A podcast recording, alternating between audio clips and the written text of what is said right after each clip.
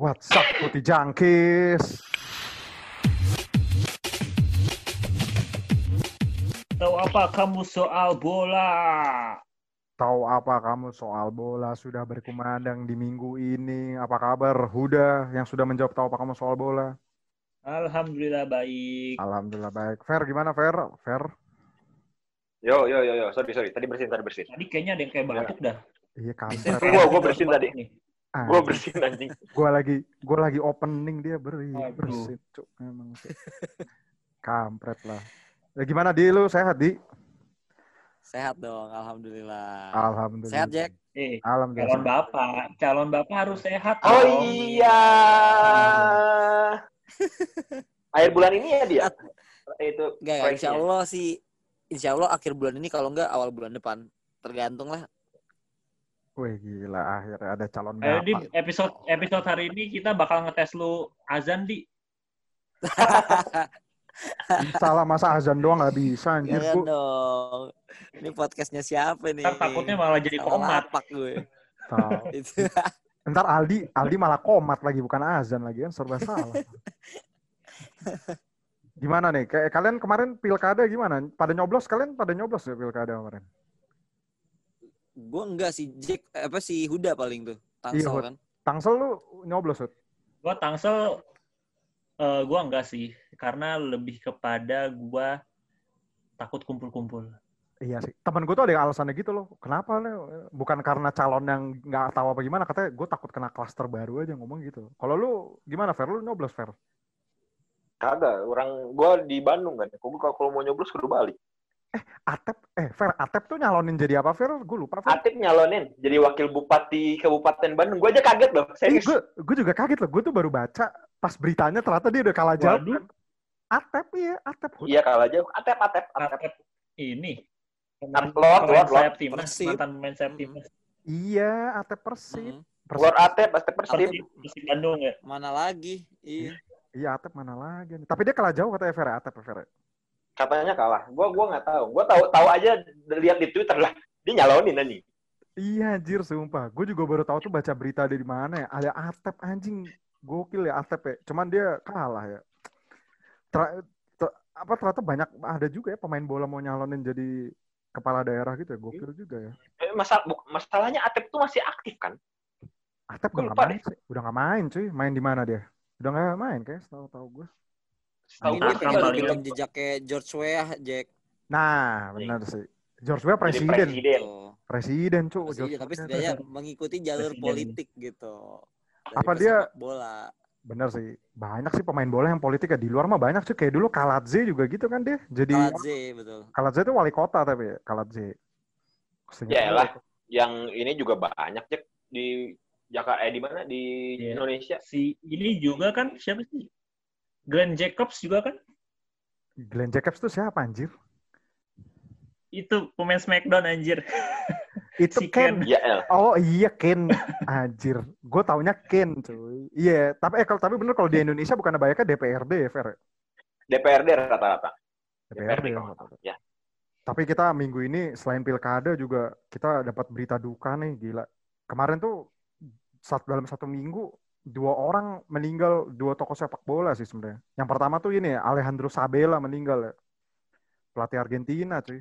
Yang bawa final. ada. Alejandro Sabella.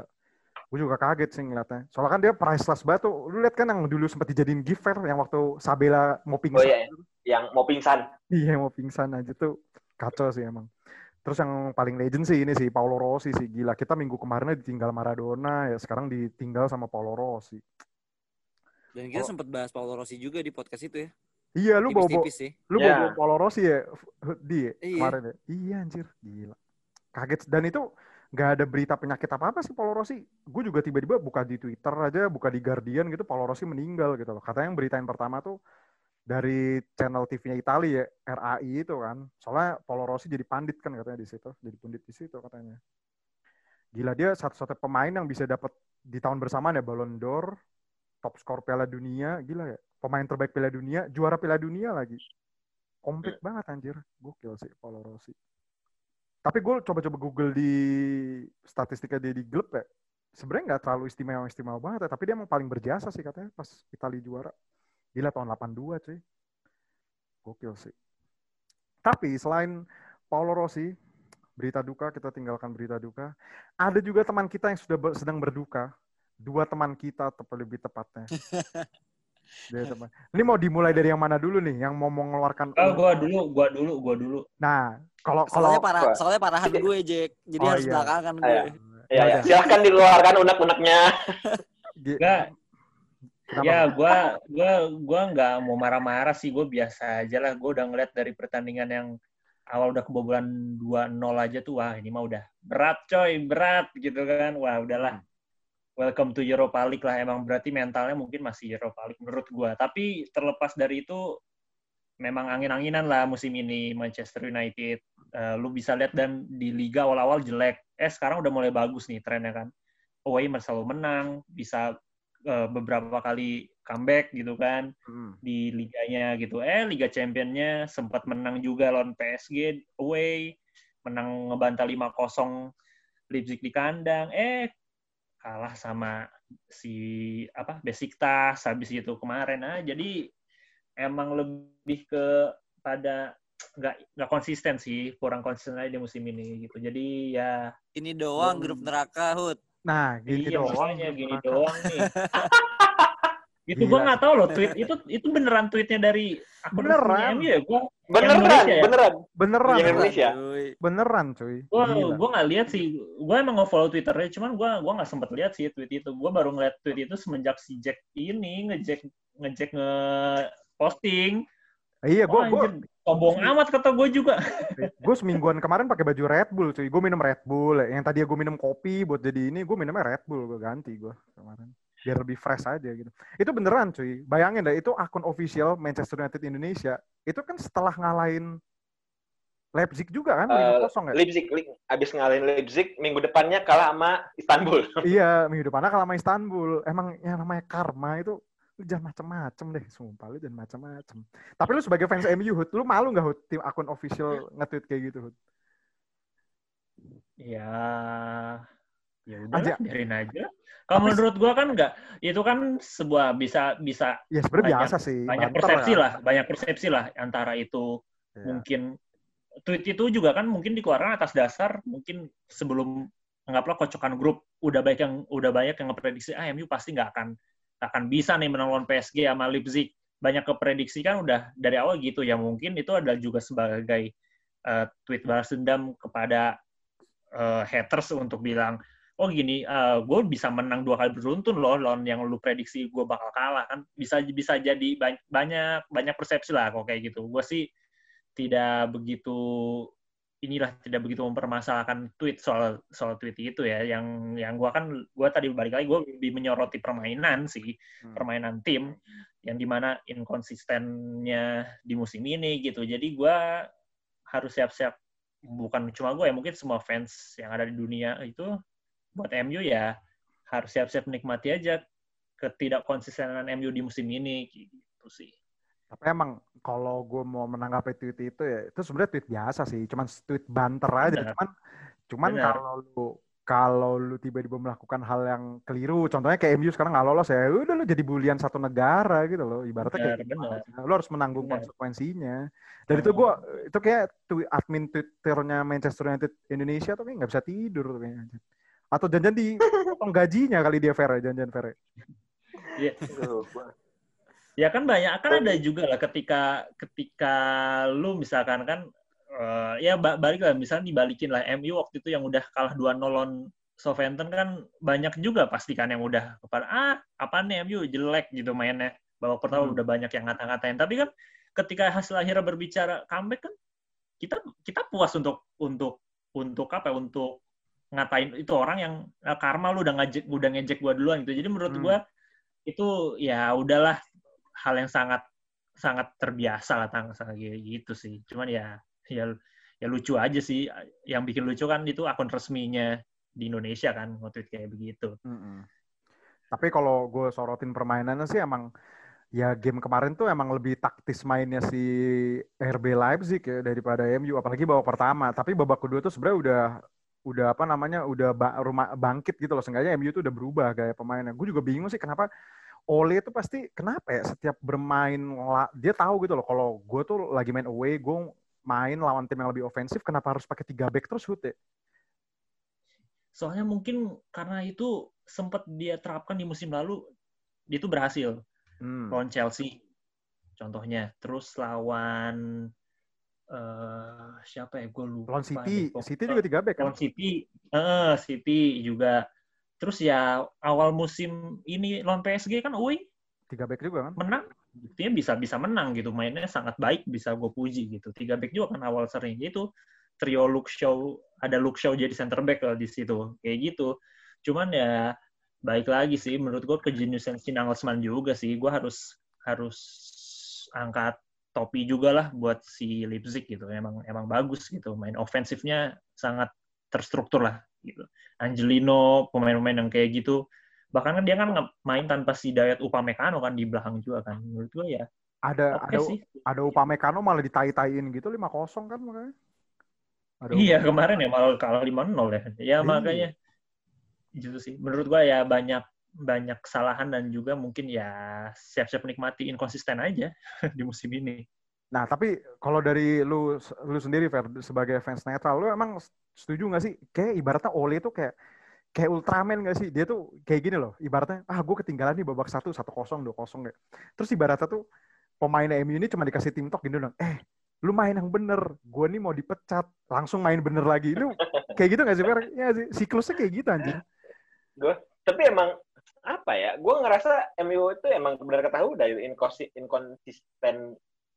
Eh, dia konsisten inkonsisten alah itulah intinya eh lu nggak bisa berha nggak bisa berharap banyak gitu Eh, MU mau gimana sih gitu dan gue kita pernah bahas ini sih ya gue bilang waktu pernah pernah bilang kan MU itu lagi di fasenya Liverpool Brendan Rodgers kalau gue mau bilang bilangin ya ya Hmm. oleh itu ya kurang lebih kalau kan MU menebak-nebak eranya banter eranya Liverpool kayak gimana ya kurang lebih kayak gitu gitu Iya. Sebenarnya sama ini juga sih. Emang Bruno tuh sekarang emang senjata mematikan MU ya. Gue nonton yang pas lawan Southampton Hute. Eh, yang dia dica yang Bruno dicadangin tuh lawan apa? Lawan Southampton ya Hute? Lawan West Ham West Ham Eh, lawan West Ham ya. Gila gue nonton lawan West Ham tuh jelek banget sumpah MU mainnya pas nggak ada Bruno. Tapi pas Bruno masuk tuh udah kayak ada super saya masuk ke lapangan aja gitu buat MU anjir. Apakah emang Ule ini masih cuman bergantung sama satu pemain? Kalau gue sih ngeliatnya kayak gitu ya. Dia belum bisa, ya memang ya kan? bisa dibilang seperti itu sih. Menurut gua itu hal yang sangat wajar ketika lu bener-bener ketika pemain lu tuh udah nggak bisa diandelin cuma ada satu orang yang bisa tampil lebih ngebangun gitu timnya. Hmm. Dan itu terjadi gitu ketika uh, lawan West Ham kemarin babak satu hancur-hancuran gitu kan nggak ada si Hmm. Bruno main. Tapi giliran dia masuk wah bener-bener ngubah banget gitu segalanya dia yang mau dia lebih apa ya lebih on fire lah kelihatan di lapangan gitu sangat membara gitu lah kalau. Hmm. ya itu mau sosok-sosok yang kayak gitu harusnya dimiliki oleh semua pemain menurut gua cuman ya ya mau Ya, gimana lah benar. menurut gua ya, ya udahlah kita kita lihat aja nanti ke depannya kan gimana gitu Tapi ya siapa benar tahu sih. kan ter, terlempar ke Europa League kan minggu lalu bilang Sevilla kan udah nggak ada mungkin kesempatan nih ya siapa Ah. tahu kan bisa aja.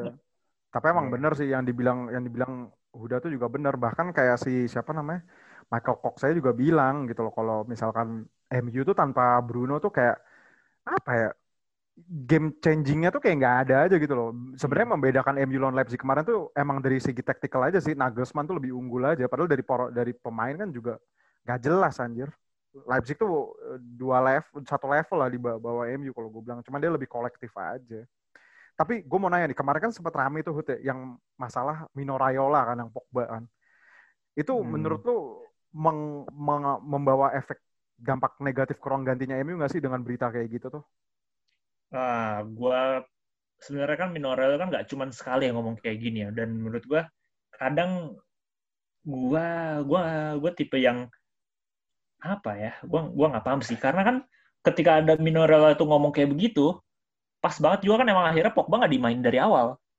Tapi ngegolin Gitu kan? kan. Tapi ngegolin dia. Tapi ngegolin. Memang babak kedua emang dia dia bisa bi- kelihatan membawa timnya agak lebih mendingan gitu kan. Hmm. tapi kadang kadang ya oh, gosip atau nggak berita kayak gitu emang bisa jadi ngebuat jadi dan dan menurut gua oleh ter, salah satu termasuk yang bisa melindungi pemainnya gitu. Menurut gua dengan cara seperti uh, Minorella ngomong kayak gitu pun dia masih masih bisa untuk melindungi pemain dan untuk mencoba untuk membawa squad itu baik gitu.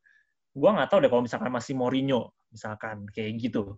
Mourinho lu tahu sendiri juga dia tipe orang yang suka ngomong di media juga gimana gitu kalau ada jadi ya jadi ya menurut gua mungkin berpengaruh tapi menurut gua ya Oleh masih bisa ngeredam itu sih sebenarnya.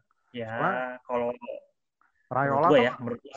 Eh Ray Rayola tuh pernah juga kan kayak gitu tuh. Gue inget banget yang kasus Donnarumma cuy yang sampai Donnarumma tuh dikata-katain offense Milan, kasihan banget sumpah.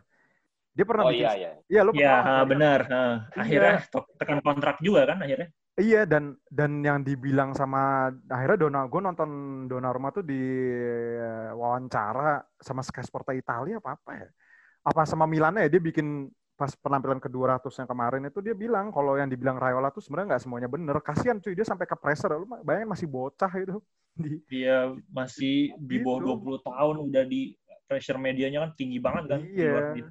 ya nggak tahu sih emang Minorella brengsek sih sampai kemarin kan Gary Neville juga marah-marah tuh kan di Sky Sport juga pas Iya. Liga Champions Gary Neville sama siapa? Mending, mending lu pecat deh itu si agen lu kan kayak gitu. Hmm, katanya dibilang mending lu pecat aja di agen lu gitu.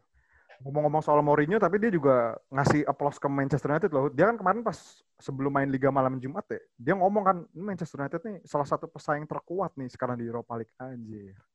Dia sampai ngomong gitu. Iya. Ya sudah, Ya, udahlah kita geser aja ya.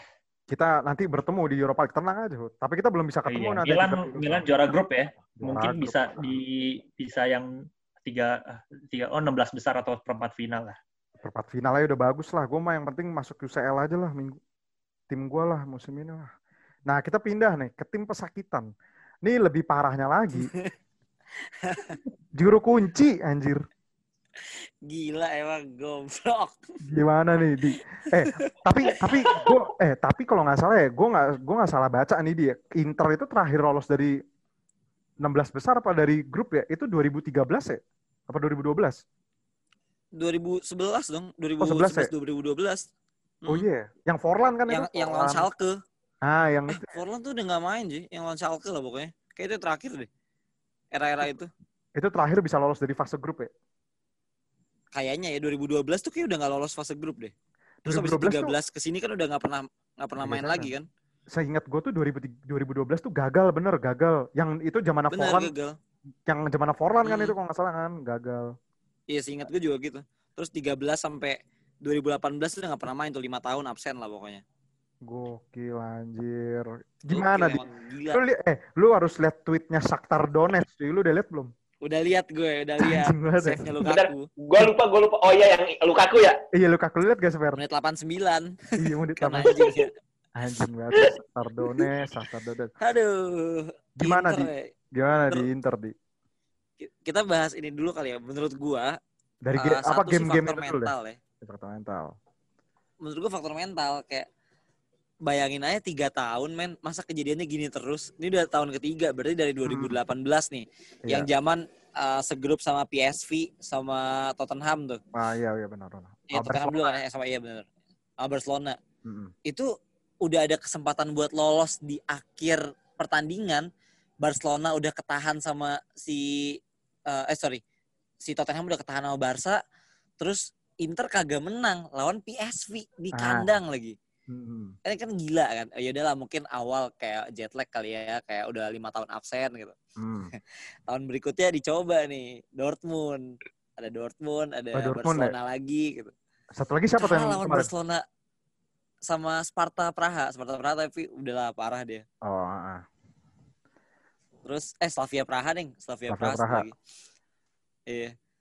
Terus kalahnya sama Barcelona yang receh yang cerek lu? yang tim B itu kan? Fati di kandang lagi. Iya iya. di kandang anjir.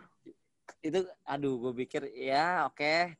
Next year mungkin ya udah udah lebih oke nih harusnya.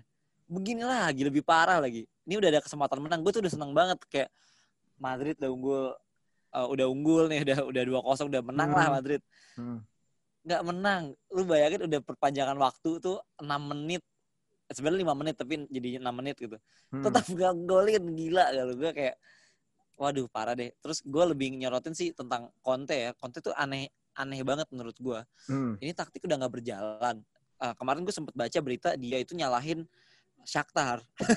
Buk- Bukan Oh, yang Shakhtar dia ya? kayak me- ngeblame Yang sama Capello Iya, kan yang di iya. Sky Sport kan? yang sama Capello. Iya, yang sama dia ngeblame kalau Shakhtar ngu- ngubah sistem gitu. Hmm. Ya lu kan pelatih ya. Kalau tim lawan ngubah sistem, lu harus ubah sistem. Gimana cari Hmm. cara celah supaya itu uh, formasi bisa berjalan. Itu Hmm. bisa kebongkar tuh sistem barunya dia. Hmm. Ini sampai menit 68 baru ada pergantian pemain. Itu pun ganti pemain yang posisinya sama. Hmm. Gue nggak paham lagi. Ngeganti Asli yang sama Perisik. Itu kan posisinya sama. Nggak akan ngefek apa-apa dong. Biasanya Iya. kan dia kalau misalnya udah agak buntu nih masukin tiga striker kan. Jadi ada Hmm. uh, Lautaro, terus ada si Alexis sama Lukaku gitu biasanya. Hmm. Terus uh, gelandangnya diganti nih jadi ada yang uh, daya nyerangnya bagus lah. Kemarin itu gelandangnya Barella, Brozovic sama Gagliardini. Lu mau ngarapin kreativitas apa men? Itu gelandang Benar, deep lying terus box to box, uh, box to box lagi satu lagi buat apaan? Hmm. Kayak nggak nggak jelas gitu. Tuh muter-muter doang lah mainnya. Buntu gitu lah. Shoot shootnya aja tuh ada 13 dan nggak ada yang gol tuh gue nggak ngerti kenapa deh. Terus ini paling kayak udah masukin Sanchez, Lautaro ditarik nih. Masukin si Erikson. Masukin Erikson menit 85. Kayak ngelawak lah menurut gue. Nggak Iya. jelas Erik si Conte nih. Erikson tuh di Inter cuman kayak ini loh bagian kalau misalkan tim lu lagi menang ya buat buat buang-buang waktu lu masukin aja tuh Iya. pemain kayak gitu doang anjing. Kasian banget gue. Itu kayak Bernardo Silva pas pertama di City tuh. Kayak gitu doang tugasnya dia anjir. Asli. Tapi tapi yang Terus- lu gimana gimana? Lanjut lanjut. Terus dia milih milih mainin Barella yang masih cedera loh daripada Erikson sama Sensi yang ada di bench. Bingung gue juga. Eh kan eh di kan lu lihat yang wawancaranya dia sama Sky Sport. Dia malah ngambek wartawannya kan katanya ya udah nih lu yang jadi pelatih he." digituin kan reporter Iya iya. anjing goblok banget Conte. Gak jelas anjing. Gue juga udah lihat tuh Iya, wawancaranya di Sky Sport. Dia malah marah-marah anjir katanya Iya yang wartawannya ngomong lah berarti lu nggak punya plan B dong. Ya udah lu aja nih yang jadi pelatihnya. Iya iya. Malah marah anjing dia. Iya. Gak jelas nih Inter Inter. Padahal kalau bisa Terlalu dibilang saklek dia. terlalu saklek sih. Tapi kalau gue bilang ya eh, di tahun ini sebenarnya grupnya jauh lebih enteng gak sih Fer ketimbang dua musim sebelumnya ya gak sih Fer? Harusnya. Iyalah. Iya harus. Iyalah menurut gua. Iyalah. Iya kan. Shakhtar. Soalnya Gimana? eh, iya Mönchengladbach itu kan mu- musim kemarin tuh posisi 4 kan. Gue lupa deh. Posisi 4 di Bundesliga. Hmm, hmm. Hmm. Posisi 4. Nah, harusnya lebih enteng lah. Cuman Iya. dibanding tahun kemarin ya. Tahun kemarin kan ada Dortmund sama Barca ya. Gue lupa. Hmm, Iya. Barcelona dua kali kan. Barca. Barcelona dua Tahun kali kan. juga Itu- ngeri juga tuh. Barca iya, sama? Tottenham. Tuh Inter bukannya masuk pot 2 ya berarti ya? Sekarang pot itu berapa? masih sih? pot Tiga. tiga. Pot 3. Oh, pot Tiga tiga. dia. Tiga Inter. Masih 3. Hmm. Anjir, Inter. Ma- masalahnya Europa League aja juga enggak gitu loh. Yang yang gue bingung ya, Mm-mm. terlalu saklek sih emang. Mana Itu, Itu bukan dapat kesempatan nggak sih terakhir-terakhir tuh yang siapa nyundul eh kena Lukaku gak jadi ya offside. itu tadi Iya, kita itu omongin. Sanchez. Itu Ah, udah itu tadi yang ditweet sama Shakhtar Donetsk itu itu. Iya, katanya itu Sorry kata, sorry, tadi gue lagi ambil minum. eh katanya Hud lu lihat lu cek di Twitter itu katanya best save minggu ini ya Shakhtar Donetsk cuy. lu lihat aja Twitter Shakhtar Donetsk. Gila banget cuy anjing penghinaan banget. Gila, Tapi itu emang posisinya posisi Lukaku tuh udah kayak back gitu. Iya sih, anjing dia ngapain di situ? ya? Dia dia tuh diem gitu, diem gitu, nggak ngapa-ngapain si goblok tuh. Anjing. Goblok itu kalau gol lolos UCL tuh 16 besar. Lumayan loh duit Goblok, goblok. duitnya kan gede kan. Yang penting Iya, lebih ke situ sih. Duitnya gede. Ah, Masalahnya Betul, gini, sebenarnya disorotin sama media ke Inter tuh gara-gara Conte sih karena emang gajinya paling gede kan di Serie A di 12 juta cuy. Iya, iya, iya, iya, benar Paling benar. paling gede dia. Nah, kalau lu lu tim lu kalau udah gini tim Conte out apa tim Conte ini kan ada videonya yang diedit-edit tuh anjing Arya Wiguna bangsat banget sih. Ngeselin banget. Sumpah ngeselin. Gue tuh sebenarnya nggak suka sih Jack eh, kalau ganti pelatih di tengah musim Mm-mm. sebenarnya ya. Gue bukan jadi ya kayaknya gue masih perlu menikmati aja lah sisa musim ini. Cuman kayaknya kalau di Serie A sih masih bisa bicara banyak ya.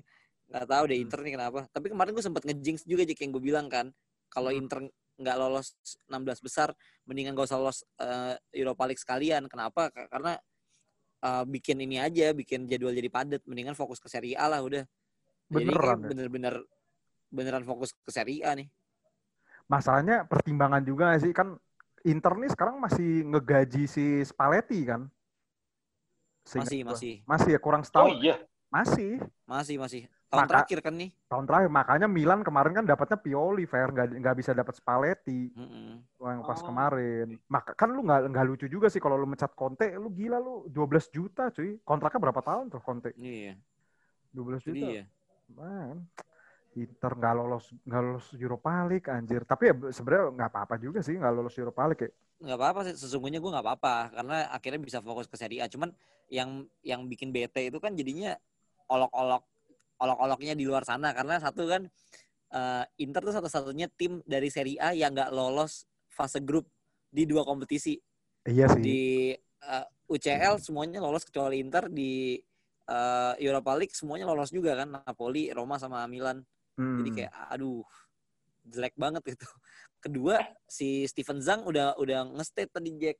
Hmm, tuh? di bulan Januari nanti dia bakal low cost buat eh, apa namanya budget transfer. Dan di Hmm. musim depan lah pokoknya gara-gara efek ini. Ya. Kayak ya.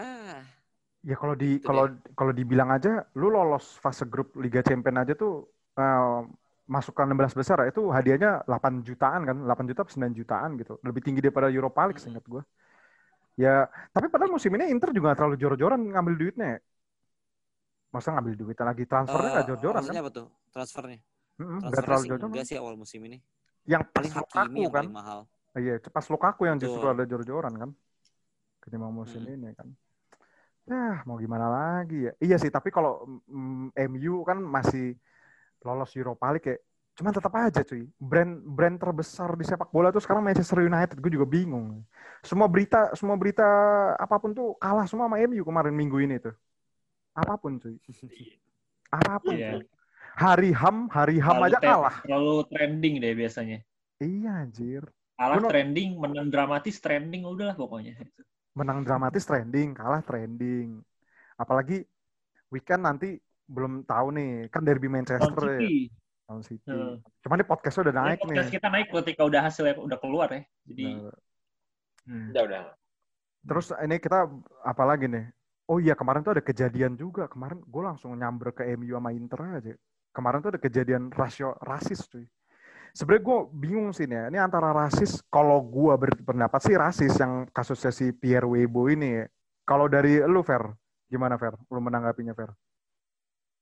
eh menurut gua gua gua nggak nggak mau bilang rasis sih cuman eh di out gimana ya agak-agak sensitif juga soalnya menurut gua eh misunderstand apa sih eh miskom cuman Hmm.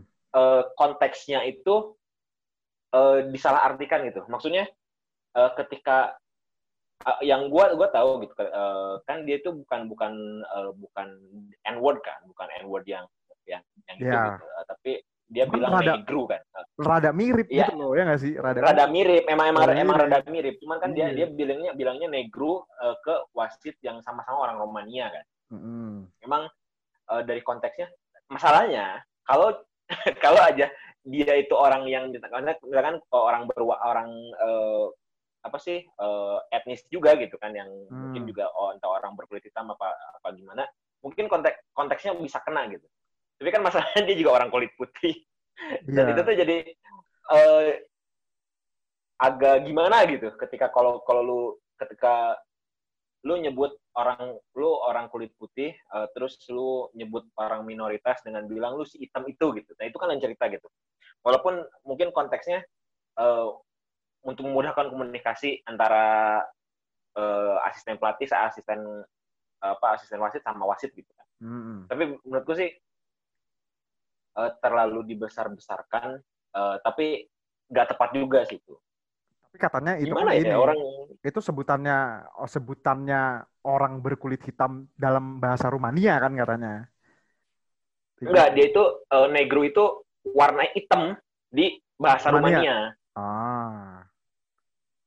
Ribet juga sih ya. Kalau kalau lu ada tanggapan lain, Hud? Eh, soal rasis ini ya. Kadang ya kita kan nggak, gini yang perlu kita pahami adalah mungkin di luar sana dan di Indonesia kan beda lah untuk rasis ras, rasis itu ya. Uh, lu ngomong negro di sana seakan-akan itu parah gitu. Tapi kalau lu ngomong lu ngomong nyeletuk lu ah uh, si ini kulitnya hitam uh, negro gitu lu juga kan persepsinya kan bisa bisa lain juga gitu. Jadi masalah rasis ini cukup cukup apa ya? Menurut gua ya persepsinya balik lagi ke masing-masing yang yang memahami ya. Hmm. Eh, gue paham gitu. Eh, gue, gue eh, sorry, gue, gue justru nggak paham kan bahasa Rumania itu sendiri. Kayak gimana uh, sebelum sebelum ini uh, statement si uh, rasis di PSG ini ya kan sempat juga tuh si Cavani, lu tau gak sih? Cavani juga sempat oh, bahas yeah, yeah. Uruguay itu kan Negr yeah. Negrita gitu. Thank you. Dia Negri, bahkan Negri. bilang terima kasih ke Negrito. salah satu temannya. Negrito, hmm. Negrito. Hmm.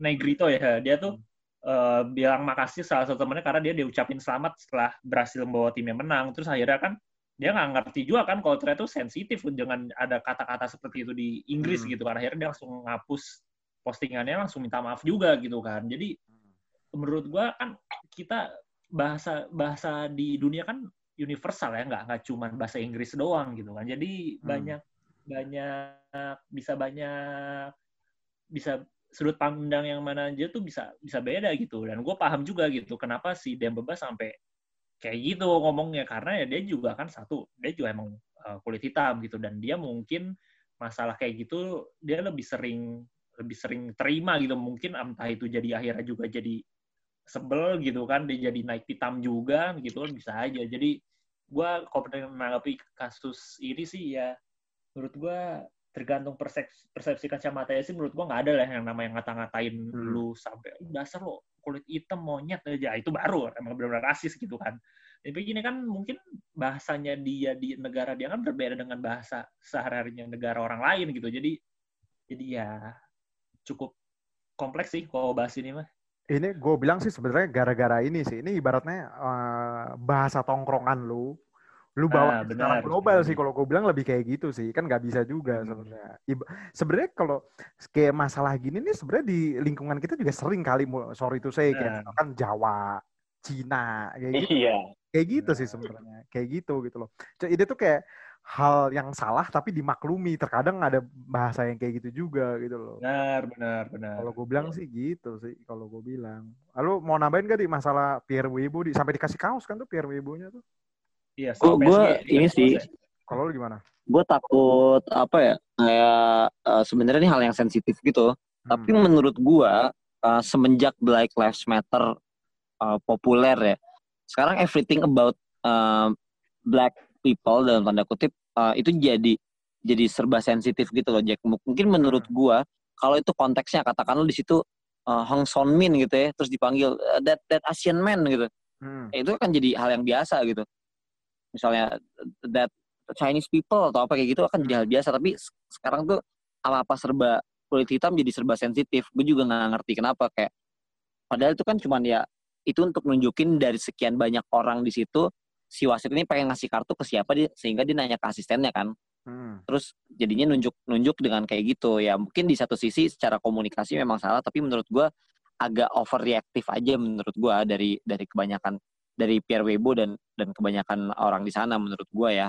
Hmm. Ini uh, pendapat pribadi gitu. Jadi jadi jangan uh, salah sangka juga. Gue nggak pro terhadap rasisme, cuman menurut gue untuk konteks ini itu bukan suatu rasisme hmm. sesungguhnya. Atau Kayak, masa gue gue dipanggil gue dipanggil eh Jawa lo gitu. Gue biasa hmm. aja. Ya emang gue orang Jawa gitu. Maksud gue kenapa? Hmm. Atau atau gini gitu. nggak sih? Atau kan lu tadi nyinggung Black Lives Matter kan. Kemarin tuh ada beritanya nggak sih lihat nggak sih yang KPR lawan Millwall yang Oh iya. Ya lihat kan Fer yang dia stand out si pemain yeah. kiper sama Millwall stand out tapi Millwall itu nggak stand out kan. Akhirnya fansnya tuh ngebu gitu kan ngebuin pemain KPR yang stand out buat Black Lives Matter. Lu lu percaya nggak sih kalau hmm. emang kampanye Black Lives Matter ini cuma buat jadi target marketing atau komoditi tertentu doang gitu nggak sih? Atau emang ini kampanyenya tuh bener-bener dilaksanakan gitu? Kalau menurut lu gimana, Fer? Sampai kayak gitu loh fans Millwall gue apa ya? Eh uh, ini agak berat sih cek. lu mau di tapi gini gini. Ini udah udah mau segmen uh, akhir lagi. Segmen segmen akhir lagi. Tapi itu biar biar biar biar biar nggak biar nggak uh, out of context sih. Hmm. Uh, apa yang dilakuin sama fans eh, eh sama fans sama apa sama pemain bola gitu loh, terlepas eh, apa pun gitu. Menurut gue itu itu gestur eh, terlepas itu marketing eh, ges- apa ma- masker marketing gimmick atau apa pun gitu. Menurut gue itu eh, gestur yang bagus gitu. Karena eh gue gue karena apa ya eh, Black Lives Matter itu kan emang originated bisa dibilang eh, dari Amerika gitu kan dan lu tahu Hmm. sendiri lah eh, pasti tahu eh, gimana eh, gimana kehidupan orang-orang kulit hitam di Amerika kayak gimana gitu dan menurut gua Hmm. itu juga eh, yang mereka rasakan juga di Inggris cuman mungkin lebih lebih lebih better lah tapi balik lagi menurut gua terlepas itu uh, marketing gimmick atau apa gitu menurut gua gestur yang kayak gitu di dukungan di itu tuh penting. Karena bisa dibilang itu me- melegitimasi bahwa ada yang mereka perjuangkan gitu. Dan mereka tahu uh, yang mereka perjuangin itu lebih besar lebih besar dibandingkan sepak bola. Makanya harus uh, harus ada semacam dukungan moral dari dari public figure itu terlepas itu marketing gimmick atau gimana dan gue yakin gue juga ngerti kalau beberapa perusahaan dan itu, itu juga pas kayaknya mengikuti tren bisa Hmm. dibilang tapi ya itu itu bagus lah Seenggaknya udah ada usahanya sih. iya menurut gue itu apa ya eh, mencari solusi apa mengakui kalau ada masalah itu bagian dari eh, mencari solusi lah bisa dibilang kayak gitu Hmm. Kalau dari Aldi sama Huda ada tambahan lagi Hud, mengenai kasus ini Hud. Atau Aldi Ya, mungkin. nggak ada sih kayak dari gue sih nggak ada lah menurut Hmm. gue rasisme itu ya gue gue gue gue sangat menolak lah dengan adanya rasisme gitu gak cuma di sepak bola ya di, di kehidupan lu sehari-hari gitu misalkan Ya. lu di ya ya tadi misalkan masalah lu dikatain Cina lu dikatain apa gitu tapi kan Hmm. konteksnya kan kita bisa ngeliat juga lah kalau misalkan lu eh, konteksnya bercanda kan. Kalau gue tipe yang kita nongkrong gue tahu kapan kapan hal itu bercanda kapan hal itu akan diungkapkan gitu kan. Jadi menurut gue tera- terlepas dari itu ya gue gue gue tidak setuju rasisme. Tapi kalau menurut gue untuk masalah kemarin sih ya menurut gue banyak persepsi sih dari ya dari dari kacamata si negara A B C kan pasti beda-beda menyikapinya. Bener kata Aldi sama Ferry tadi sih. Jadi gue sih lebih kepada ya udahlah gue sih nggak suka rasis saja gitu asalkan selama itu kedua belah pihak baik-baik aja it's okay lah Ya emang benar sih, tergantung persepsi sendiri masanya. John Barnes aja juga di Twitter gue ngomong dia stand out kalau itu nggak rasis kan katanya dia juga ngomong gitu kan. John Agree. Barnes. Kan kita belajar juga komunikasi berdasarkan dimensi dan waktu kan. Nah, gila nih anak komunikasi semua nih Gila, soalnya. pelajaran kuliah. Iya, kuliah lagi coy kuliah lagi komunikasi. Ini perlu, ini buat closing perlu gue sebut-sebutin kan nih tim-tim yang lolos UCL kan nih. Oh, nggak usah, udah, udah, udah, udah. Udah, eh, ini kayaknya udah ada yang trauma Champions League sih. eh gua doang loh tim gua doang loh yang Liga Champion iya, timnya Ferry doang ya. Oh ya Fer, gue pertanyaan sim simpel deh buat lo. Lu lebih pingin ketemu siapa Fer? Nih Liverpool nih bisa ketemu Barcelona, Red Bull Leipzig ya, sama Eh, Atletico Madrid lagi. Gimana? Apa Atletico Madrid lagi Fer? Lu mau ketemu siapa Fer? gua gua gua sangat nggak ingin ketemu Atletico karena eh, gua nggak pengen eh, pemain-pemain gua cedera Iya. karena lu tahu kan kayak mainnya eh, Atletico kayak gimana. Cuman Hmm. kalau gua eh, best scenario nya buat gua Lazio sih. Oh iya, bisa ketemu Best Lazio. scenario ya. Hmm. Bisa bisa bisa ketemu soalnya eh, banyak mantan pemain Liverpool jadi ada semacam reuni kayak gitu Eh, dan juga bisa dibilang Lazio juga termasuk yang eh, nggak sedang baik-baik saja gitu. Ini ini potensi potensi partai Big Match banyak sih. Soalnya Barcelona runner up ya. Barcelona runner apa? Gila sih, Barcelona bisa ketemu City, bisa ketemu Bayern lagi. Gila nih reuni. 8-2 nih ntar nih. Gue berharap ketemu Bayern sih itu siapa? Barca. Iya sih seru sih, seru sih. Kalau lu Hud, lu berharapnya PSG ketemu siapa Hud? Lu sekarang dukung PSG kan Hud di Liga Champions Hud? hmm, enggak gue gue dukung ini Atalan- Atalanta lah. Atalanta, Wah, Atalanta akhirnya lolos ya. Bukan Atalanta. Ajax ya, Ajax yang turun ya.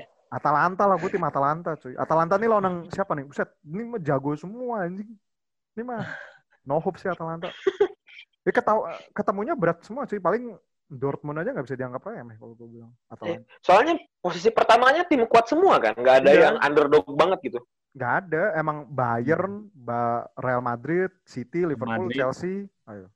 Tim-tim top semua. Bener juga sih.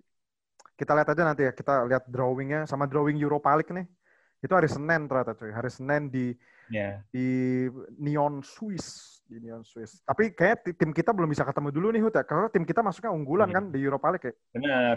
Kan lolos yang apa turunan dari Liga Champions sama yang juara satu di grup kan itu ibaratnya yang Unggulan paling ini ya unggulan ya. ya, unggulan. Pasti bakal ketemu sama yang urutan urutan dua sih. nanti lah kita ketemu di perempat final apa gimana lah. Kalau gue sih Final nanti lah tulus lah. Final lah. Final lah. Gila. Mi, Wih, duo, duo sama setan. Zlatan nggak apa-apa. Eh, lu bayangin cuy, duo setan main di Liga Malam Jumat. Kurangnya apa ya? Duo setan. Iya. Pas banget tuh duo Coba eh, eh, di gimana di kalau menurut lu? Oh ya udah langsung itu closing aja katanya. Gue sih berharap ketemu Genoa setiap minggu ya. Anjir. Enggak, Aldi sekarang di Liga Champions dukung Munchen Gladbach lah Aldi. Di Liga Champions. Munchen Gladbach ya. Gue Sevilla lah. Oh iya, Sevilla ada jagoan gue. Sevilla. Ya udah nih kira-kira udah kita udah lumayan lama nih. Ada tambahan dari kalian gimana, Fer? Di atau Hud? Udah. Thank you. Ada kata-kata penutup? Udah, udah, gua. Aldi, cukup. Gue gua ada kata penutup. Gue Apa? pengen uh, say respect aja buat uh, Jamie Vardy ya minggu ini. Udah itu aja. Thank you guys. Oh iya, oke. Jamie Vardy, Jamie Vardy kenapa? Nendang tiang doang kan? Itu yang yang, yang matahin itu matain tiang ini tiang corner. Iya itu keren banget. Itu scene paling keren lah minggu ini. Chat shit, get bang. Tahu apa kamu soal bola?